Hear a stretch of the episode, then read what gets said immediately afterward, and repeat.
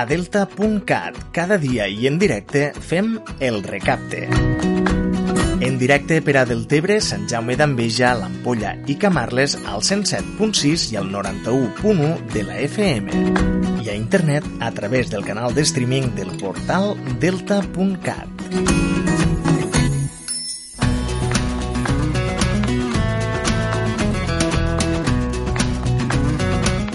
Hola, molt bon dia, benvinguts al Recapte, el magazín matinal de Delta.cat. Com cada matí els farem companyia fins al punt de les 11 del matí. Avui farem balanç de la temporada turística a Deltebre amb el tinent d'alcaldia de Deltebre Projecció, Carlos Serra, i també recordarem amb l'alcalde de l'Ampolla, Francesc Carassa, la segregació del municipi del Perelló, ja que esta setmana just se n'han complert 32 anys. I al recapte també seguirem la ruta per a conèixer els establiments de la ruta de tapes Volta i Tapat amb la companya Diana Mar. Està despertant la proposta que els fem per a avui, així que comencem ja el recapte d'este dimecres 17 de novembre. El recapte per a la gent del Delta amb Leonor Bertomeu. I per a començar el recapte ens ocupem de l'actualitat. L'Ajuntament de Deltebre està duent a terme una inversió de 200.000 euros en la millora dels parcs infantils del municipi. En total es renovaran una cinquantena de jocs infantils. S'està actuant a 12 parcs diferents i això permetrà també crear nous espais de jocs infantils, com són el cas de la plaça de les Dones, on s'instal·laran fins a 5 jocs infantils amb zona de cautxú i el parc fluvial del Delta. L'alcalde de Deltebre, Lluís Soler, explica que han aprofitat una subvenció per a arranjar desperfectes dels últims aiguats per tal d'ampliar la inversió a la resta de parcs infantils del municipi. I aquí hi ha hagut una part de deterioraments d'antic, eh, de deterioraments dels espais eh, pels aiguats que hem anat tenint no? i els temporals que hem anat tenint i això tenim eh, una part pues, que ve subvencionada per arranjar tota aquesta part eh, pues de, dels perjudicis que hem anat tenint de temporals i encara hi ha una gran part d'injecció econòmica que fiquem l'Ajuntament de Deltebre en aportació municipal pues, perquè entenem que complementar aquesta actuació de deteriorament eh, per temporals més eh, la injecció econòmica que acaba en l'Ajuntament pues, dignifica estos 12 parcs infantils i dignifica els nostres xiquets i xiquetes.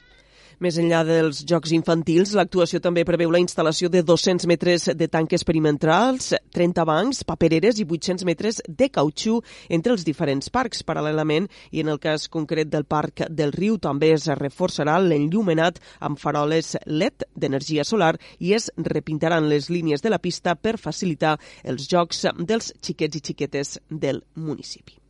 I seguim encara a Deltebre, ja que els dos grups de l'oposició de l'Ajuntament, Esquerra Republicana i PSC, han demanat explicacions al govern municipal sobre el funcionament de l'Escola Municipal de Música, que està gestionada a través d'una concessió per la Societat Musical Espigador. Segons han explicat els portaveus d'Esquerra Republicana i el PSC en una roda de premsa conjunta, diverses famílies han fet arribar el seu malestar pel funcionament de l'escola. A l'octubre es van suspendre les classes per un temps i el 5 de novembre novembre, el director de la banda de música va anunciar que deixava el càrrec. La informació que ha arribat als grups municipals és que hi ha obert un litigi entre l'exdirector i l'espigador per incompliments contractuals i que se li ha de pagar una indemnització de 30.000 euros més 10.000 euros per mensualitats atrasades. Arran d'esta situació, els grups municipals han expressat la seva preocupació pel fet que el pagament d'esta indemnització pugui com comprometre el funcionament de l'escola i han presentat a registre registre una sèrie de preguntes perquè el govern municipal explica el funcionament de l'Escola Municipal de Música i quin control s'ha realitzat de la seva gestió. Entre les preguntes que es fan es vol saber si el govern estava al corrent de la situació de l'Escola de Música, també es vol saber si hi ha retribucions per part de l'equip directiu, si el professorat cobra les nòmines amb normalitat o si s'ha complert la legislació laboral amb el tema de les baixes i els cobraments dels ERTOs. Escoltem Joan Alginet, portaveu d'Esquerra Republicana, i Aleix Ferrer, portaveu del PSC. Considerem eh, que és molt oportú i molt necessari clarificar el funcionament d'esta entitat concessionària dels serveis d'escola de música i deixar clars eh, els suposats dubtes que hagin pogut aparèixer. Per tal de tenir una explicació més clara i volem demanar una convocatòria d'una reunió per tal d'informar als grups municipals quina informació disposa el govern municipal i quina és la situació de l'escola. Els dos grups de l'oposició han insistit que l'objectiu és fiscalitzar el funcionament de l'Escola Municipal de Música, que és de titularitat municipal i no de l'Espigador, l'entitat que gestiona el centre a través d'una concessió. A tot això, l'alcalde de Deltebre, Lluís Soler, ha insistit que no han rebut cap queixa del servei de l'Escola de Música, però sí que tenen constància del malestar entre part del professorat per la dinàmica de pagaments de l'escola i hi hauria també, sembla, un problema de tresoreria. Així ho ha explicat l'alcalde Lluís Soler com a Ajuntament, sent un servei públic, tot i que està externalitzat amb una entitat del municipi, pues el que volem és que es complisca eh, tal com toca. Llavors, eh, mos anem emplaçant, ahir va haure una reunió, este matí hem estat en, lo, en los dos regidors eh, que van estar presents a la reunió i en aquest cas en els propers dies tornarà a haure una altra reunió pues, per tal de buscar eh, este punt de necessitat de tesoreria, com s'acaba gestionant i com eh, en aquest cas podem donar-li la viabilitat plena pues, perquè no tingui cap punt de fragilitat l'escola de música. No? A més, l'alcalde ha lamentat que els grups de l'oposició hagin creat alarmisme en aquest tema en lloc d'ajudar a cercar solucions havent tingut una relació més fluida i no fer-ho públic i expansiu eh, crearíem aquesta imatge pues que a ningú ens interessa, no només com a govern municipal, sinó com a, com a municipi que crec que no és afortunada per respecte també a la Junta Directiva de l'Escola de Música, a la, Societat Musical d'Espigador o a lo que és l'AMPA de l'Espigador o a tot el que és el professorat de l'Espigador. No? Al final no és un tema de, de fer públic una qüestió eh, per dir, no? o per fins electoralistes o per desconfiança, sinó que crec que lo important és ficar-nos a treballar eh, tots junts. I acabem el repàs a l'actualitat a l'Ampolla, ja que l'Ajuntament ha instal·lat un mòdul extern al costat del CAP, concretament està ubicat a la plaça Manel Ferrer, amb l'objectiu d'atendre consultes relacionades amb la Covid-19 i evitar que els veïns i veïnes de l'Ampolla s'hagin de desplaçar fins al CAP de l'aldea per a aquestes qüestions. Este nou espai, que entrarà en funcionament els pròxims dies, serveix per a fer-hi proves PCR i també per atendre pacients que puguen tindre el virus. L'objectiu és que l'equipament sanitari pugui garantir circuits dobles d'atenció i no barrejar, per, per tant, els pacients. Així mateix, el consistori municipal també ha posat una pantalla tàctil, una TCO, al cap de l'ampolla perquè les persones usuàries puguen fer tràmits de forma autònoma i d'esta manera reduir els temps d'espera a l'hora de fer algunes consultes o gestions al taulell del CAP. Casa Nicanor t'acompanya en els teus bons moments per esmorzar, dinar, sopar, berenar o amb un bon cafè. Casa Nicanor t'ofereix el temps.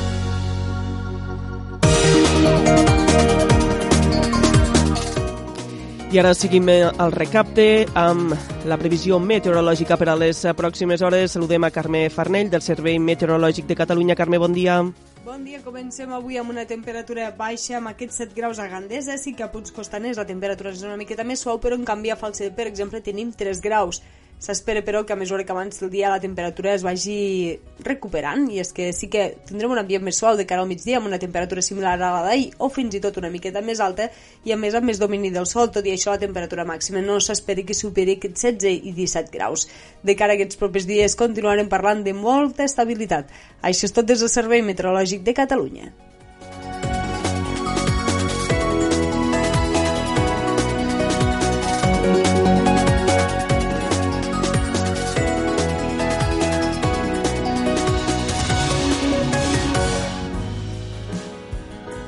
El temps amb els bons moments de Casa Nicanor.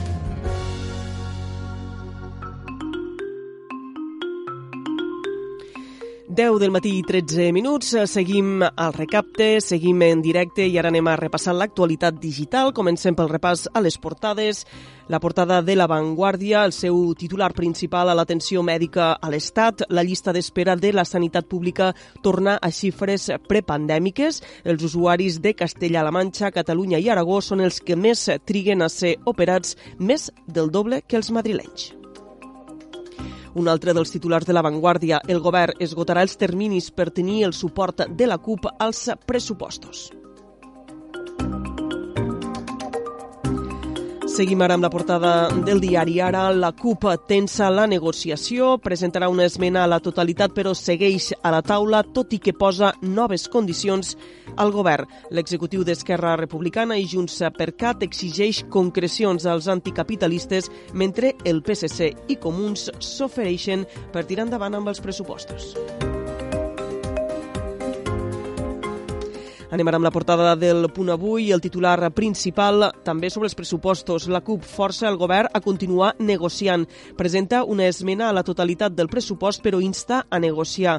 L'executiu lamenta el vet però veu marge per convèncer els anticapitalistes. També destaca el punt avui. El PSC insta Aragonès a triar-los a ells i als comuns oberts a un acord. I pel que fa a la portada del periòdico, el titular principal, el temor de restriccions per la Covid amenaça el pont. Catalunya assumeix que haurà d'ampliar l'ús del passaport sanitari. Seguim ara amb el portal de notícies del 324. A aquesta hora, la seva principal notícia, una denúncia per odi diària. La majoria són per LGTBI-fòbia, racisme i xenofòbia. També llegim el 324, pla pilot per previndre la intolerància a les aules, clau per combatre els delictes d'odi. I també llegim dos menors i un adult moren en un incendi en un pis a Almeria.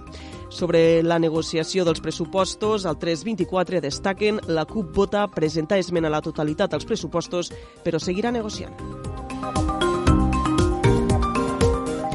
El portal Imagina Ràdio a aquesta hora destaca sobre la situació de la pandèmia. L'Ebre registra 109 positius en una setmana i la Covid-19 torna a augmentar amb una RT d'1,02. També llegim la Fundació Doctor Ferran necessita contractar un investigador per al projecte EMMA d'investigació del càncer de mama. I una altra notícia que llegim a Imagina Ràdio, la que els hem explicat avui en temps d'actualitat, del Tebre millora els parcs infantils amb una inversió de més de 200.000 euros. I també llegim, Montsortirem fa públic el cartell del concert solidari del 4 de desembre a les cases d'Alcanar. I acabem el repàs a l'actualitat a Ebre Digital. També trobem esta notícia del Tebre millora els parcs infantils amb una inversió de més de 200.000 euros. També llegim el vi Trementinaire 2018 d'herència altes, millor vi brisat de la guia de vins de Catalunya 2022. I arranca la pintura del model del mural d'Amposta Ciutat Diversa.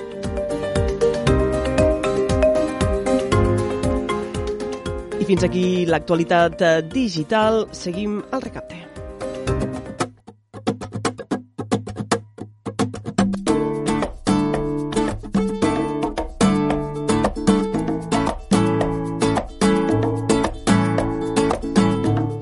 I al recapte seguim amb esta ruta gastronòmica que ens porta cada dia a conèixer un dels establiments que formen part de la ruta de tapes Volta i Tapat. Com sempre, una ruta que fem amb Diana Mar. Volta i Tapat, primera edició de la ruta de tapes organitzada entre Deltebre i Sant Jaume d'Enveja.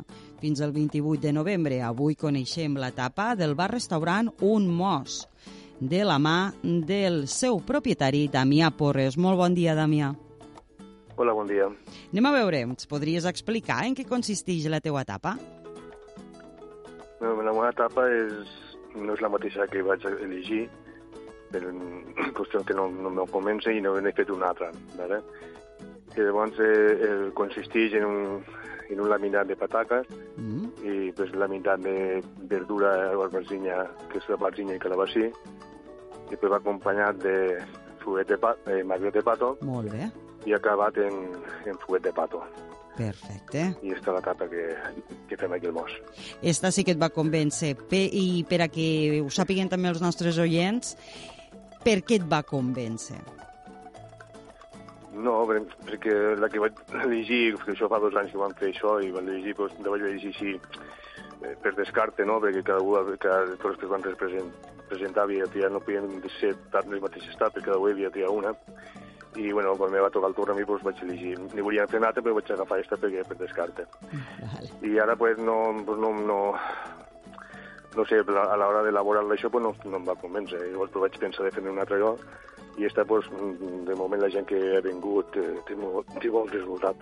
Mm. Està molt contenta, li agrada molt. Anem a veure si volem anar al bar-restaurant Un Mos, ens hem de dirigir? És al carrer Major, número 47, aquí a Sant Jaume d'Enveja. Perfecte. Doncs no res, moltíssimes gràcies, Damià. Espero que sigui tot un èxit. Moltes gràcies a vosaltres. Adéu, bon dia. bon dia. Adéu, bon dia.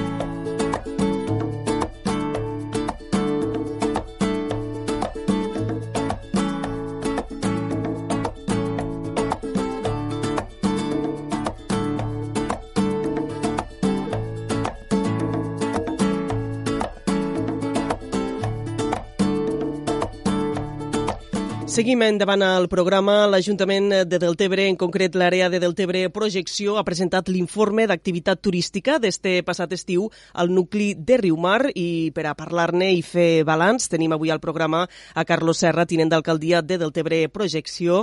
Carlos, bon dia, benvingut. Bon dia, gràcies. Ara anirem parlant de, de les xifres que es desprenen d'este informe, que formen part d'este informe, però una mica a nivell genèric, a nivell global, quin és el balanç de la temporada turística d'este estiu a Deltebre i sobretot crec que les dades estan centrades en Riumar. Ah, Bueno, precisament ahir vam fer una reunió en tot el sector turístic, tant a nivell del municipi com també del nucli de Riomar, pues fer una valoració d'aquesta temporada turística, un informe, pues, eh, tal com diem, no, que han fet des de l'àrea del Tebre Projecció i sobretot centrant-nos en un informe des del Consell de Riomar, aquesta oficina de turisme que tenim a l'entrar al nucli de Riomar, un punt de referència i d'informació per a tota aquella gent que ens visita i que estem a total disposició per oferir i per ensenyar-los tot allò que poden fer i que poden visitar.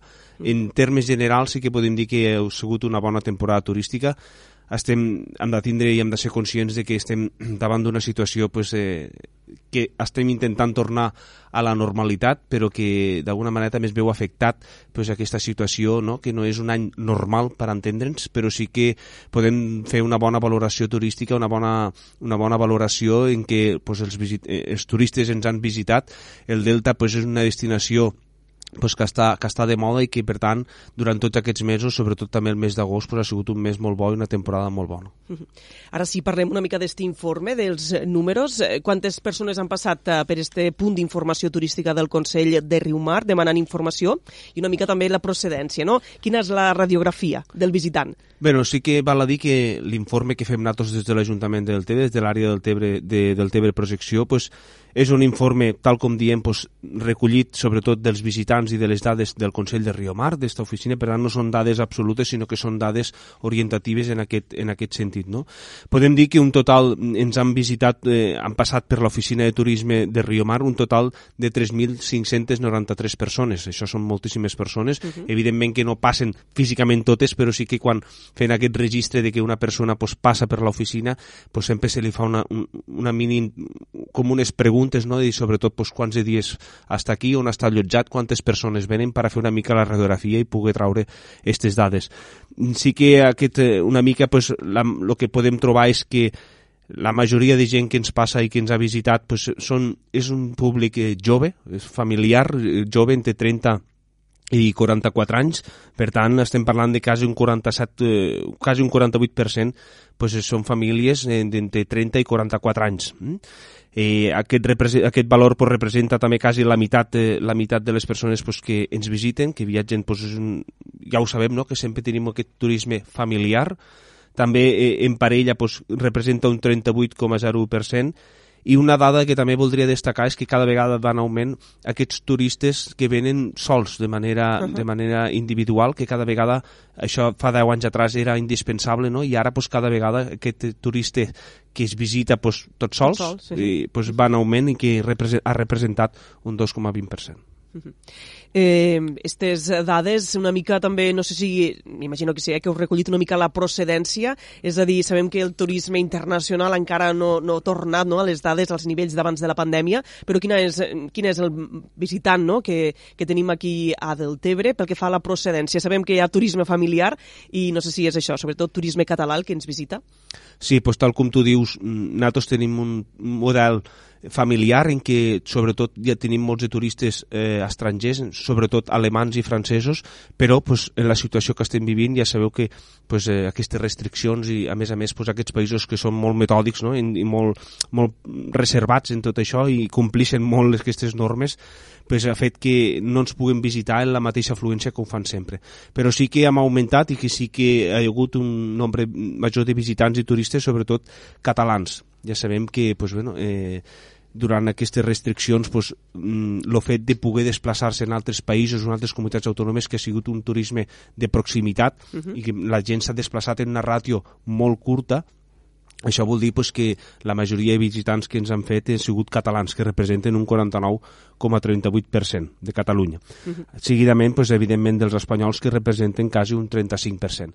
Pues, val a dir pues, això, aquest turisme de proximitat, gent hem tingut sobretot turistes eh, que mai havien visitat el Delta de l'Ebre i que l'han descobert per primera vegada pues, perquè normalment no pequem de que sobretot volem conèixer lo de fora però el que tenim al costat i molt a prop pues, a vegades hi pequem de que no, no acabem de conèixer. I això pues, eh, ha sigut una de les avantatges, una de les riqueses perquè gent pues, eh, sobretot de la província de Tarragona, Barcelona, que mai havia visitat el Delta que per primera vegada l'havia descobert i que ens han dit que repetiran, per tant, això és una bona sensació.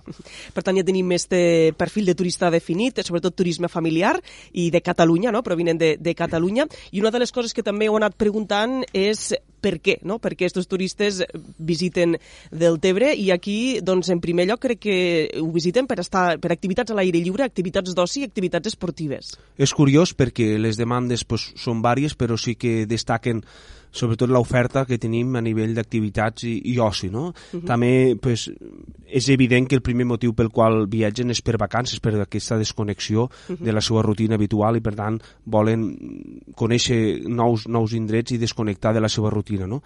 Però sí que destaquen també un turisme natural i cultural, sobretot posen molt en valor eh, el tema gastronòmic, la gastronomia, el producte de quilòmetre zero, el producte de proximitat, això és també un dels valors afegits que tenim al nostre delta i que el turisme visita, però en primer ordre, tal com tu dius, i aquestes gràfiques també així ho detallen, sobretot seria el que els serveis de més demanda serien les activitats d'oci, que representen un 73,38%. Això és, eh, és moltíssim, quasi un 75%, en què pues, la majoria de gent no, pues, eh, vol visitar pues, per les activitats que puc fer, pues, eh, com són en caiacs, rutes eh, en bicicleta, tota l'oferta que tenim, per tant, aquestes empreses eh, que a nivell mm, privat pues, ofereixen aquestes activitats, pues, cada vegada eh, està més en augment pues, perquè és l'oferta-demanda, no? Eh, és a dir, hi ha molta demanda d'activitats, per tant s'ha d'oferir molta oferta.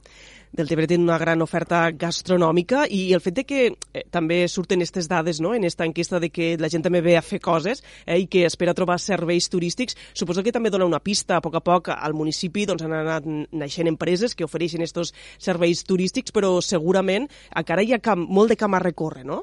Així és, així és, és un món que estem descobrint. Abans, abans podem dir que el, el turista del Delta pues, ens visitava sense, cap, sense treure mèrit pues, com a part natural, com a espai natural protegit, que això ho som i ho hem de continuar preservant i ho hem de continuar sent, però sí que omplim el ventall pues, de, de, de serveis que podem oferir. No? La gastronomia, que això ja és un producte que també ho tenim ja instaurat i que ja tenim un renom, com a part natural, com a espai natural de protecció i espai pues, eh, de desconnexió, de descans, però ara sí que obrim este ventall, tal com diem, al servei pues, d'oci, no? i d'activitats que això pues, anys atrás quasi, quasi que era inexistent i cada vegada és més, és més latent i que hi ha més oferta i per tant eh, és el que volem i la línia que hem de seguir, que hem de seguir treballant.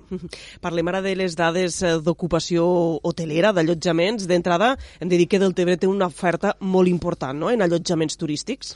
Això sí, tenim, tenim moltes coses positives i una d'aquestes és la tipologia d'allotjaments, és a dir, per tant, tota aquesta gent que ens visita pot triar de quina manera i a on se pot, eh, quin tipus d'allotjament vol. No? Pues tenim des d'apartaments, cases de turisme rural i UTS, habitatges d'ús turístic, que això cada vegada va molt en augment, mm, també hotels, albergs, eh, càmpings, hostals, tot tipus d'allotjaments, però sí que cal destacar de que, pues, degut a la situació que estem vivint, de que no volem llocs massificats, llocs on que haguéssim de compartir molt a prop en altres persones en, que desconeixem, pues això ha fet que estos habitatges d'ús turístics i aquestes empreses de lloguer d'allotjaments, com poden ser xalets i cases més particulars, hagi estat en augment i en, una, en un tant per cent molt, molt elevat, perquè la gent pues, vol el seu espai, vol la seva privacitat i vol el seu, el seu moment íntim no? en, quant a, en quant a allotjament.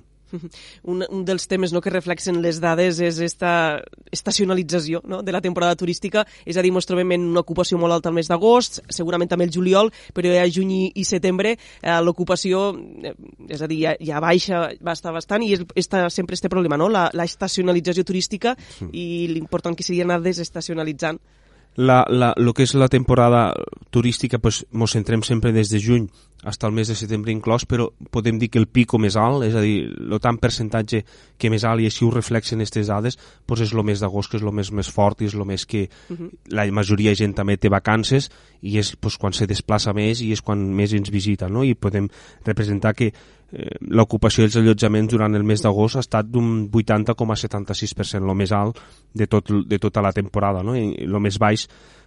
pues, ha estat al setembre d'un 43,04%, que ja pues, hi ha aquesta declinació, però bueno, tot i això han mantingut una mitjana d'un 57,21%, que és important.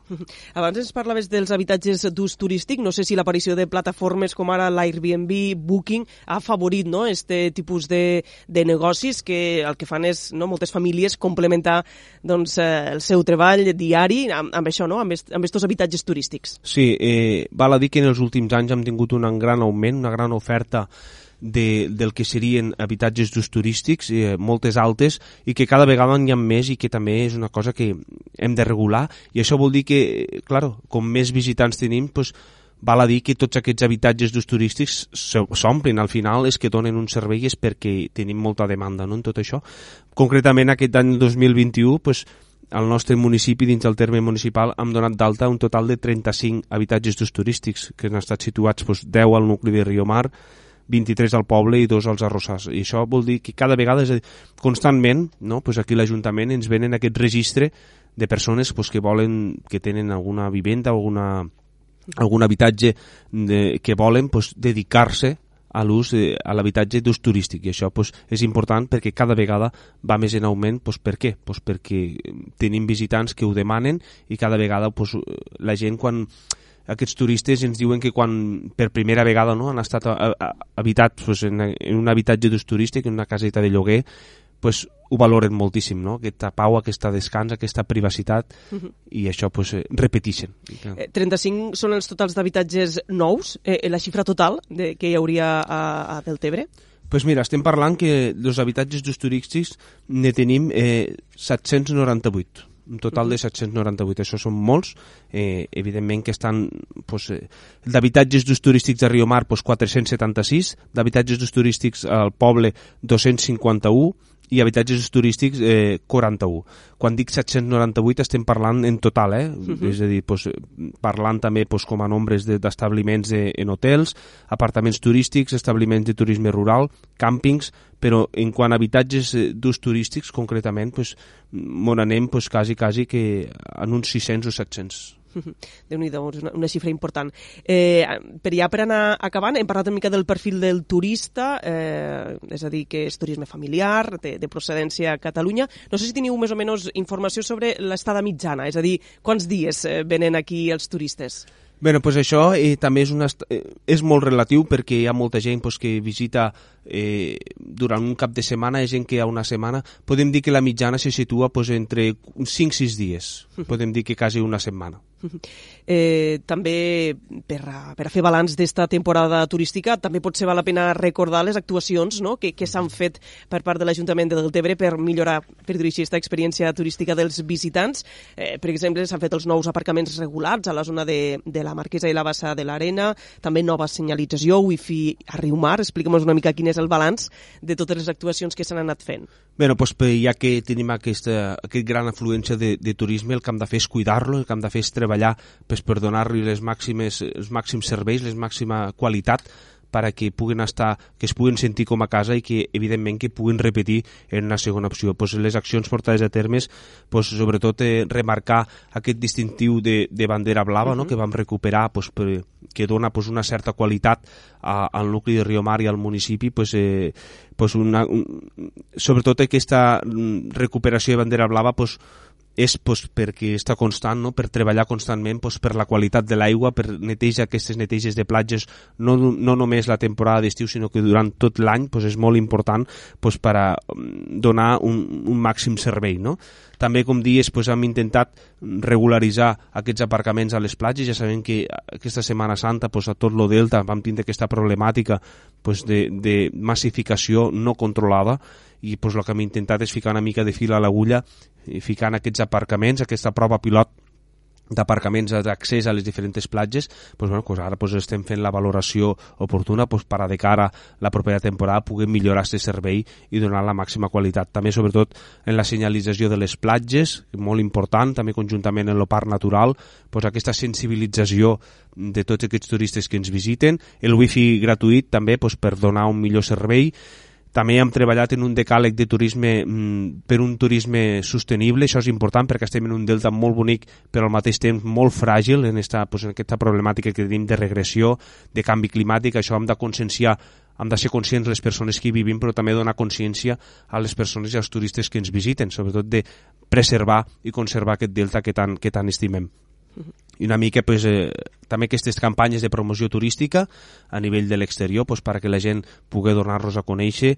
I, i, i també importantíssim eh, un, un mitjà que tenim de comunicació en lo turista és sobretot xarxes socials, ja sabeu que a nivell actualment pues, fem con, en constant, estem en constant comunicació en Instagram, Facebook, tot això, pues, tenim un compte d'Instagram de turisme del Tebre que tenim quasi 12, és a dir, 11.899 seguidors, quasi 12.000 seguidors. Això és una finestra de promoció molt important i que posem en valor i que pues, anem donant visibilitat dels serveis turístics, anem ficant fotografies de tot el que tenim i que tot l'oferim i també és una mica de campanya per poder trencar esta, esta estacionalitat i allargar la temporada turística. Comentaves que ahir vau presentar aquestes dades al sector. Quina és la percepció d'ells també? Ha sigut una bona temporada turística?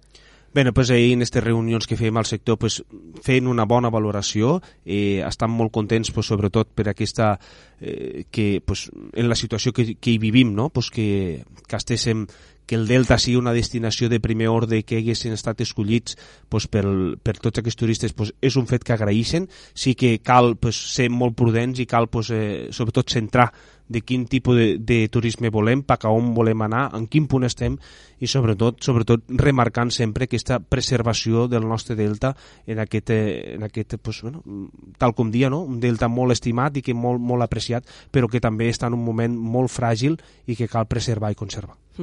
Aprofitant que tenim aquí a Carlos Serra, m'agradaria fer-li també una pregunta com a regidor d'Educació de l'Ajuntament de Deltebre.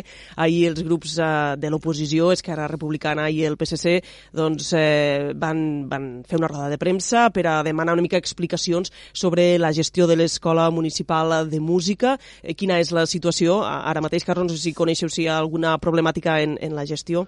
Bueno, en aquest cas, doncs, des de fa unes setmanes, eh, l'equip de govern doncs, d'aquí des de l'Ajuntament de Deltebre estem realitzant el seguiment de la situació actual de l'Escola de Música i ho fem conjuntament també amb representants de la Junta de l'entitat i també l'AMBA i per tant estem analitzant eh, analitzant aquesta situació, seguirem, seguirem treballant i fent les gestions necessàries doncs, per a poder eh, arribar en un bon, en un bon en aquest cas doncs, poder afavorir que no hi hagi cap, mala, cap mal favoritisme o a favor d'aquesta entitat històrica que també volem preservar i com no doncs, també en l'escola de música perquè pugui continuar tal com està fent, no? perquè encara està en actiu i estan continuant l'alumnat que participa el dia a dia en l'escola.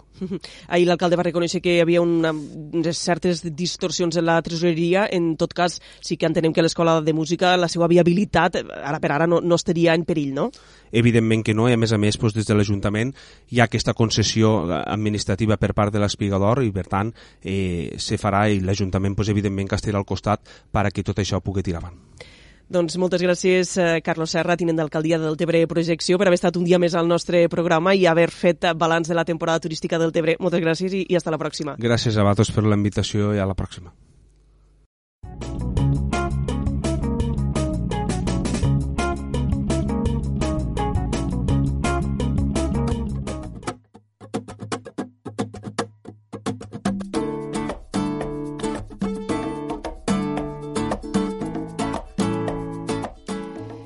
I al recapte seguim de ruta gastronòmica amb Diana Mar. Volta i tapat, primera edició de la ruta de tapes organitzada entre Deltebre i Sant Jaume d'Enveja. Podrem gaudir-ne fins al proper 28 de novembre i avui coneixem la tapa de Tasca Tres Cantons. Ens en parla d'ella Sirvana Roig, la seva propietària. Molt bon dia, Sirvana. Hola, bon dia. Anem a veure, mm, parla'ns de la tapa en la que us presenteu en aquesta ruta gastronòmica tan xula. Sí, veure la nostra tapa eh, és dolça. És dolça? Eh, sí, és una tapa dolça. I va, eh, es tracta d'una tapa de una tarta de formatge, Sí, de dos classes de formatges sí. mm, del terreno. Uau. Eh, porta nata, bueno, i llavors està molt bona, la gent està molt contents. I llavors va adornada en mangrana, Mm, també del terreno, que bo. eh, galleta triturada i un fruits del bosc. Llavors va acompanyada per un xupito de, de mistela o de virance. Molt bé. Mm, ha, don- ha tingut bastant èxit, dir, ha vingut molta gent i s'ha agradat molt. Sirvana, per favor, dis-nos on Sí. vos podem trobar i degustar esta tapa tan guai. Nosaltres estem al carrer Estació, número 23, de Deltebre. Molt bé. Horari, horari, mm, quan mos recomanes passar a provar-la? Horari, eh, a veure, eh, en divendres, dissabte i diumenge estem oberts tot el dia. Molt bé. Molt bé, molt Llavors, recomano estos dies perquè els altres dies obrim, però per la nit estem tancats. Llavors la gent ha vingut doncs, quan plega de treballar, dissabte i diumenge, divendres per la tarda, són els dies que més vam servir. Molt bé. Doncs escolta, Sirvana, mil gràcies per atendre-nos, mil gràcies per explicar-nos la teua etapa i que vagi super, super bé. I moltes gràcies a vosaltres per pensar en nosaltres. Molt bé. Adéu. Adéu, bon dia. Adéu.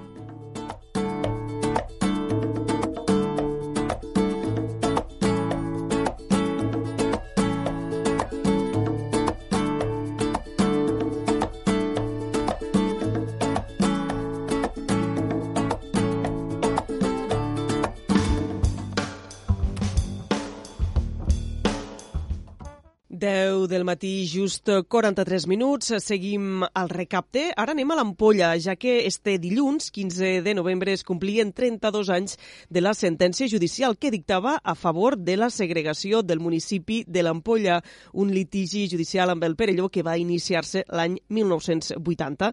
D'esta història recent del municipi de l'Ampolla n'anem a parlar ara tot seguit amb l'alcalde de la població, Francesc Arassa. Bon dia, benvingut al recapte. Hola, molt bon dia i gràcies per convidar-me. Eh, Paco, jo no sé si tu formaves part d'esta junta de segregació o si coneixies el moviment, però explica'ns quins són eh, els arguments no?, que va posar l'ampolla damunt la taula per a poder-se segregar del Perelló. Sí, eh, la veritat és que formava part d'aquesta junta de segregació, ja en aquells moments com a havia una associació de vins, del qual jo era president, i dintre de la junta de segregació estaven totes les entitats i els partits polítics, i per tant jo em vaig formar part ja en aquella època, no? La situació era molt complexa, molt complicada, perquè no havien, eh, per part de l'Ajuntament del Perelló, estàvem una mica totalment abandonats i quan a la manca de serveis. Eh, no havia aigua potable, no havia clavegram, els carrers estaven de terra, eh, no havia un cap molt petit, és a dir, la neteja de platges pràcticament se la feien els veïns, la fèiem des de l'ampolla, és a dir, la, la, la col·laboració o, o el servei que donava l'Ajuntament del Perelló era tan, tan dolent que va ser quan els ciutadans de l'ampolla a finals dels 70 es van plantejar eh, buscar aquesta via no, i aconseguir poder ser independitzar del Perelló i ser un, tindre un ajuntament propi. Tot i així podem dir que va ser un procés llarg i, i vau, a- vau tindre que arribar a la via judicial, perquè jo, si no recordo malament, tot en el cas de, de la segregació, per exemple, dels municipis del Delta, es va aconseguir per decisió política, és a dir, vosaltres vau tindre que recórrer als tribunals. Sí, era a l'any 37, el 1937, la- l'Ajuntament de l'Ampolla ja va ser independent en l'època de la República, el que passa que quan ja va entrar la dictadura i amb el decret de Burgos, que es van abolir tot l'administració de la Generalitat i totes les segregacions, se, se va abolir també lo, la, la, la Constitució l'Ajuntament de l'Ampolla, no? I, per tant, en base a això va ser quan, i el que et deia abans, no? la, la manca de serveis, va ser quan vam iniciar tot aquest procés, no? perquè diàleg amb l'Ajuntament del Perelló era impossible, no havia cap manera de, de poder negociar i arribar a un acord i parlar-ne, i el que va fer és anar a via judicial, és a dir, van fer un expedient de segregació, eh, havia una, tota una sèrie de normes, una sèrie de, que s'havien de complir, no?, en quant a distància, en quant a eh, habitants, en quant a capacitat econòmica per poder sobreviure, i això ho complíem eh, i per això vam ser quan vam decidir anar als tribunals per a poder aconseguir la nostra segregació. Este 15 de novembre va ser quan va haver esta sentència eh, judicial. M'imagino que quan vau rebre la notícia va dir que ser una festa a l'ampolla. Sí, eh, la Constitució de l'Ajuntament va ser l'any següent, el 1990, no? el 5 de maig, però aquesta tarda del 15 de novembre del 1989 va ser una gran festa, no? És a dir, feia uns dies havíem anat al president de la Junta de Segregació i jo a Madrid a veure, a parlar amb el procurador, a veure, perquè sabíem que la sentència estava a punt de sortir, però no ho teníem clar, i al cap de 10 dies, eh, més o menys, o 8 o 9 dies, eh, vam rebre aquesta sentència i ens va trucar l'abogat i vam rebre per, encara funcionava llavors en aquella època el fax, i vam rebre per fax la, la sentència, i va ser un estat de joia no? i d'alegria, la gent va sortir als carrers, eh, vam passar tota la tarda i nit um, celebrant-ho pels carrers, vam fer una reunió urgent amb tots els veïns per informar-los de la sentència el que deia, perquè ja la teníem en mà, i la veritat que va ser un dia de molta joia, no? Eh, llavors, aquella setmana següent van fer dos o tres dies de, de celebració, no? Perquè havien sigut molts anys de lluita, no? de campanyes constants, de reclamacions i, bueno, havíem també negociat amb el govern de la Generalitat d'intentar arribar a un acord amb l'Ajuntament de l'Ampolla, el, el, el poble de l'Ampolla, el Perelló i la Generalitat, no? Però també va ser, no va ser possible, no?, perquè no ens identifiquem d'acord amb els límits territorials, no? I per tant, aquest dia que va venir la sentència pues, va ser un dia de, molt, de molta satisfacció i que no oblidarem mai. Explica'm qui va ser el primer alcalde, imaginem que, que va governar no, en junta gestora fins a la celebració de les eleccions municipals i, i també pues, en no, el moment que arriba a l'alcaldia, quines són les coses més urgents que, que es vau trobar o que es va trobar en aquell moment damunt de la taula? Eh, sí, la, el dia, com te dia abans, no, després de la sentència, que va ser el 15 de novembre, el 5 de maig del 1990 va ser quan se va constituir la comissió gestora, no?, perquè les eleccions municipals eren l'any següent, que era el 2021, i per tant, eh, perdó, el 98, per tant, durant aquesta època havia d'haver una comissió gestora, no? El president de la, de, que encapçalava la llista, que era el president perquè tres anys abans, el 1987, eh, la Junta de Seleccions va presentar les eleccions al Perelló i va guanyar les eleccions amb cinc regidors, però quatre del Partit Socialista, que del Perelló, i dos de Convergència i Unió, eh, amb sis van fer coalició i per tant no van poder governar dins del municipi, no?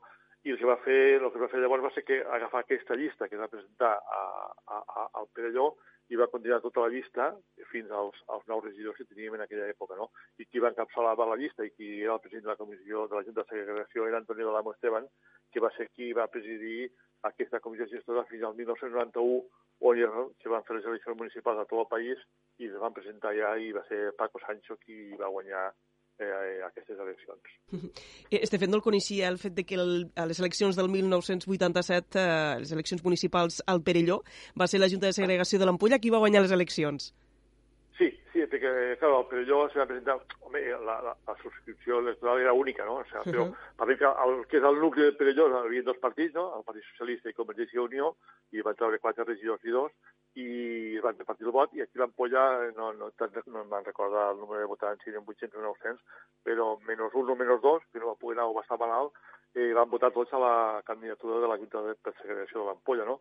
I van treure cinc regidors, però, és clar, eh, llavors va, la majoria absoluta ens vam quedar una majoria absoluta i, per tant, van governar eh, la coalició del PSC i Convergència del Perelló, no? Mos explicava... Eh, abans que, que, que una vegada vam començar sí. el 2021, bueno, i, i el, ai, perdó, el 1991 i, a, i el 5 de maig del 1990, quan, quan se constituï la, la comissió gestora, que havien de fer un poble nou, és a dir, he dit abans, no havia res. Havien de començar de zero, havien de planificar quin poble volíem, com el volíem i quins serveis havien de fer de dotar-lo perquè era un municipi turístic i que comparat amb altres pobles veïns, com Sant Carles de la Ràpita, com l'Almella, pues estàvem a anys luz no? de, de, de la situació en què estava aquí, per tant, vam a començar a, a visionar, a veure com podíem fer aquest poble, com no podíem construir, com no podíem fer en aquella època, no destruir-lo, sinó que fos atractiu, fos, a, és la paraula que està de moda sostenible, no? I mantenir tot el que és la costa, tota la façana marítima en condicions i no destruir-la. I va ser un repte molt important, molt il·lusionant, i la veritat és que molt satisfet estem ara de com va anar, no? La veritat que estem molt contents. És que la veritat és que en pocs anys, no? En 32 anys, la transformació de l'ampolla ha estat impressionant. Sí, sí, el que dia, el que dia abans, no? És a dir, les carrers eren de terra, hi havia clavegram, cada un tenia el seu pou d'aigua i el seu pou per al clavegram, eh, el dispensari... Hi havia Però això el un- 1990? un visitar. Eh? Això estava passant el 1990, és que em costa de creure. Sí, sí, sí, sí, el 1990 passava això. I, bueno, i quan s'obríem anàvem pels carrers, hi havia ni vinc a buidar-ho, és a dir, era, tercer, era un poble tercermundista. Eh, Mos comentaves abans que, que el Perelló no va facilitar no, la, la segregació de l'ampolla durant anys. M'imagino que la relació no devia ser bona, però ara, després de, de, de 32 anys ja no, d'esta segregació, m'imagino que ara les relacions amb el Perelló són, són més bones. Sí, en aquella època les relacions eren molt dolentes, molt dolentes, de, de no havia pràcticament diàlegs, o sigui, estaven tancats en banda i no en volien sortir de la seva posició, i afortunadament una vegada eh, l'ampolla tirat cap endavant, eh, i el Perelló també, el Perelló ha millorat moltíssim, és a dir, no, eh, crec que van, se van conscienciar de que havien de canviar la seva forma d'actuació a nivell municipal, perquè jo penso que ni estava bé l'ampolla ni estava bé el Perelló. Hi havia una situació tan complicada que les coses no, no funcionaven com havien de funcionar. I jo crec que després eh, els dirigents que han hagut al Perelló van ficar les piles també amb l'ajuda la, de la Generalitat. La veritat és que el, tant el govern de la Generalitat d'aquella època va ajudar moltíssim a l'Ampolla i també al Perelló perquè els dos pobles poguessin sobreviure i avui en dia no només cal veure el Perelló, no? Un poble més d'aquestes terres eh, amb tots els serveis i que, que està des damunt de molts altres i, per tant, el fet de perdre l'ampolla no li ha suposat una catatombe, sinó tot el contrari. Està, és el capdavanter de moltes coses, per tant, eh, satisfet de com ha anat la, la, la, la situació des d'aquella època, no? I la relació ara és, a nivell institucional és perfecta i a nivell de veïns també. Hi ha doncs, molts de veïns de, del Perelló que venen per l'ampolla i de l'ampolla pel Perelló i, per tant, la situació ara és molt bona. Esta setmana recordàvem això, eh, esta efemèride de, de la sentència judicial que, que dictava la, la segregació de, de l'ampolla. Eh, quan celebreu a l'ampolla le- les festes de la segregació? En feu, no en feu? És una cosa que intenteu recordar cada any? Sí, eh, perquè aquest any amb la pandèmia eh, i, i l'any passat tampoc no ho hem celebrat, eh, fem, coincidint amb, vam introduir la Setmana del Comerç, que estem fent en aquests moments, però no fem la gran festa com fèiem abans, que fèiem un sopar popular al pavelló, al casal, i després fem sessió de bany, no?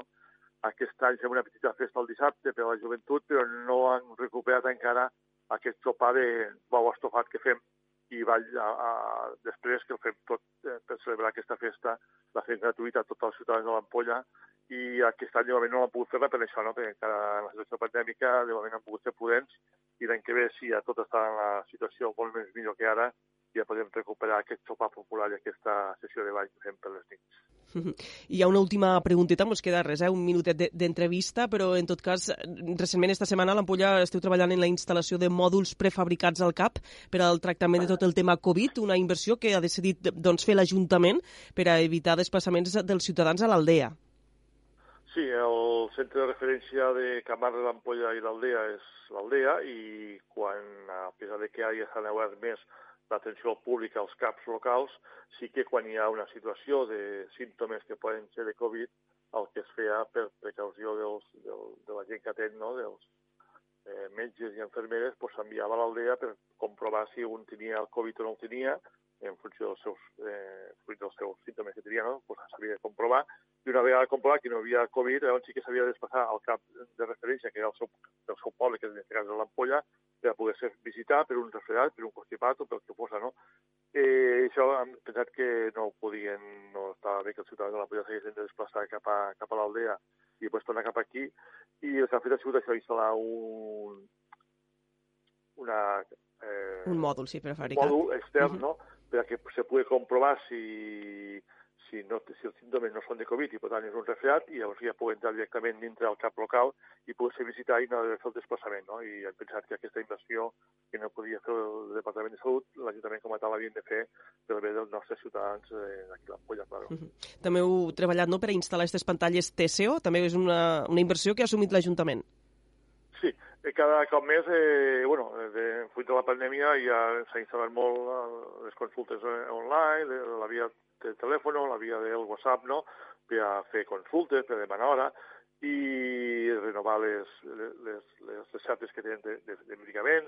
I vam pensar que instal·lar aquesta pantalla tàctil aquí també al CAP, que és una inversió que ha fet l'Ajuntament, podia, eh, que estigui més obert ja al públic i ja als CAPs, eh, una manera de descongestionar potser el taulell no? i que la gent se pugui fer aquell que pugui, no? la gent que estigui més preparada o que domini més aquestes tècniques, pugui fer gestions a, amb aquesta pantalla i així agilitzar més l'atenció al públic al taulell de cara a, en un futur, no? Bé, doncs hem de deixar aquí. Li agraïm moltíssim a Francesc Carassa, alcalde de l'Ampolla, que hagi estat avui al nostre programa. Gràcies, bon dia. Gràcies a vosaltres.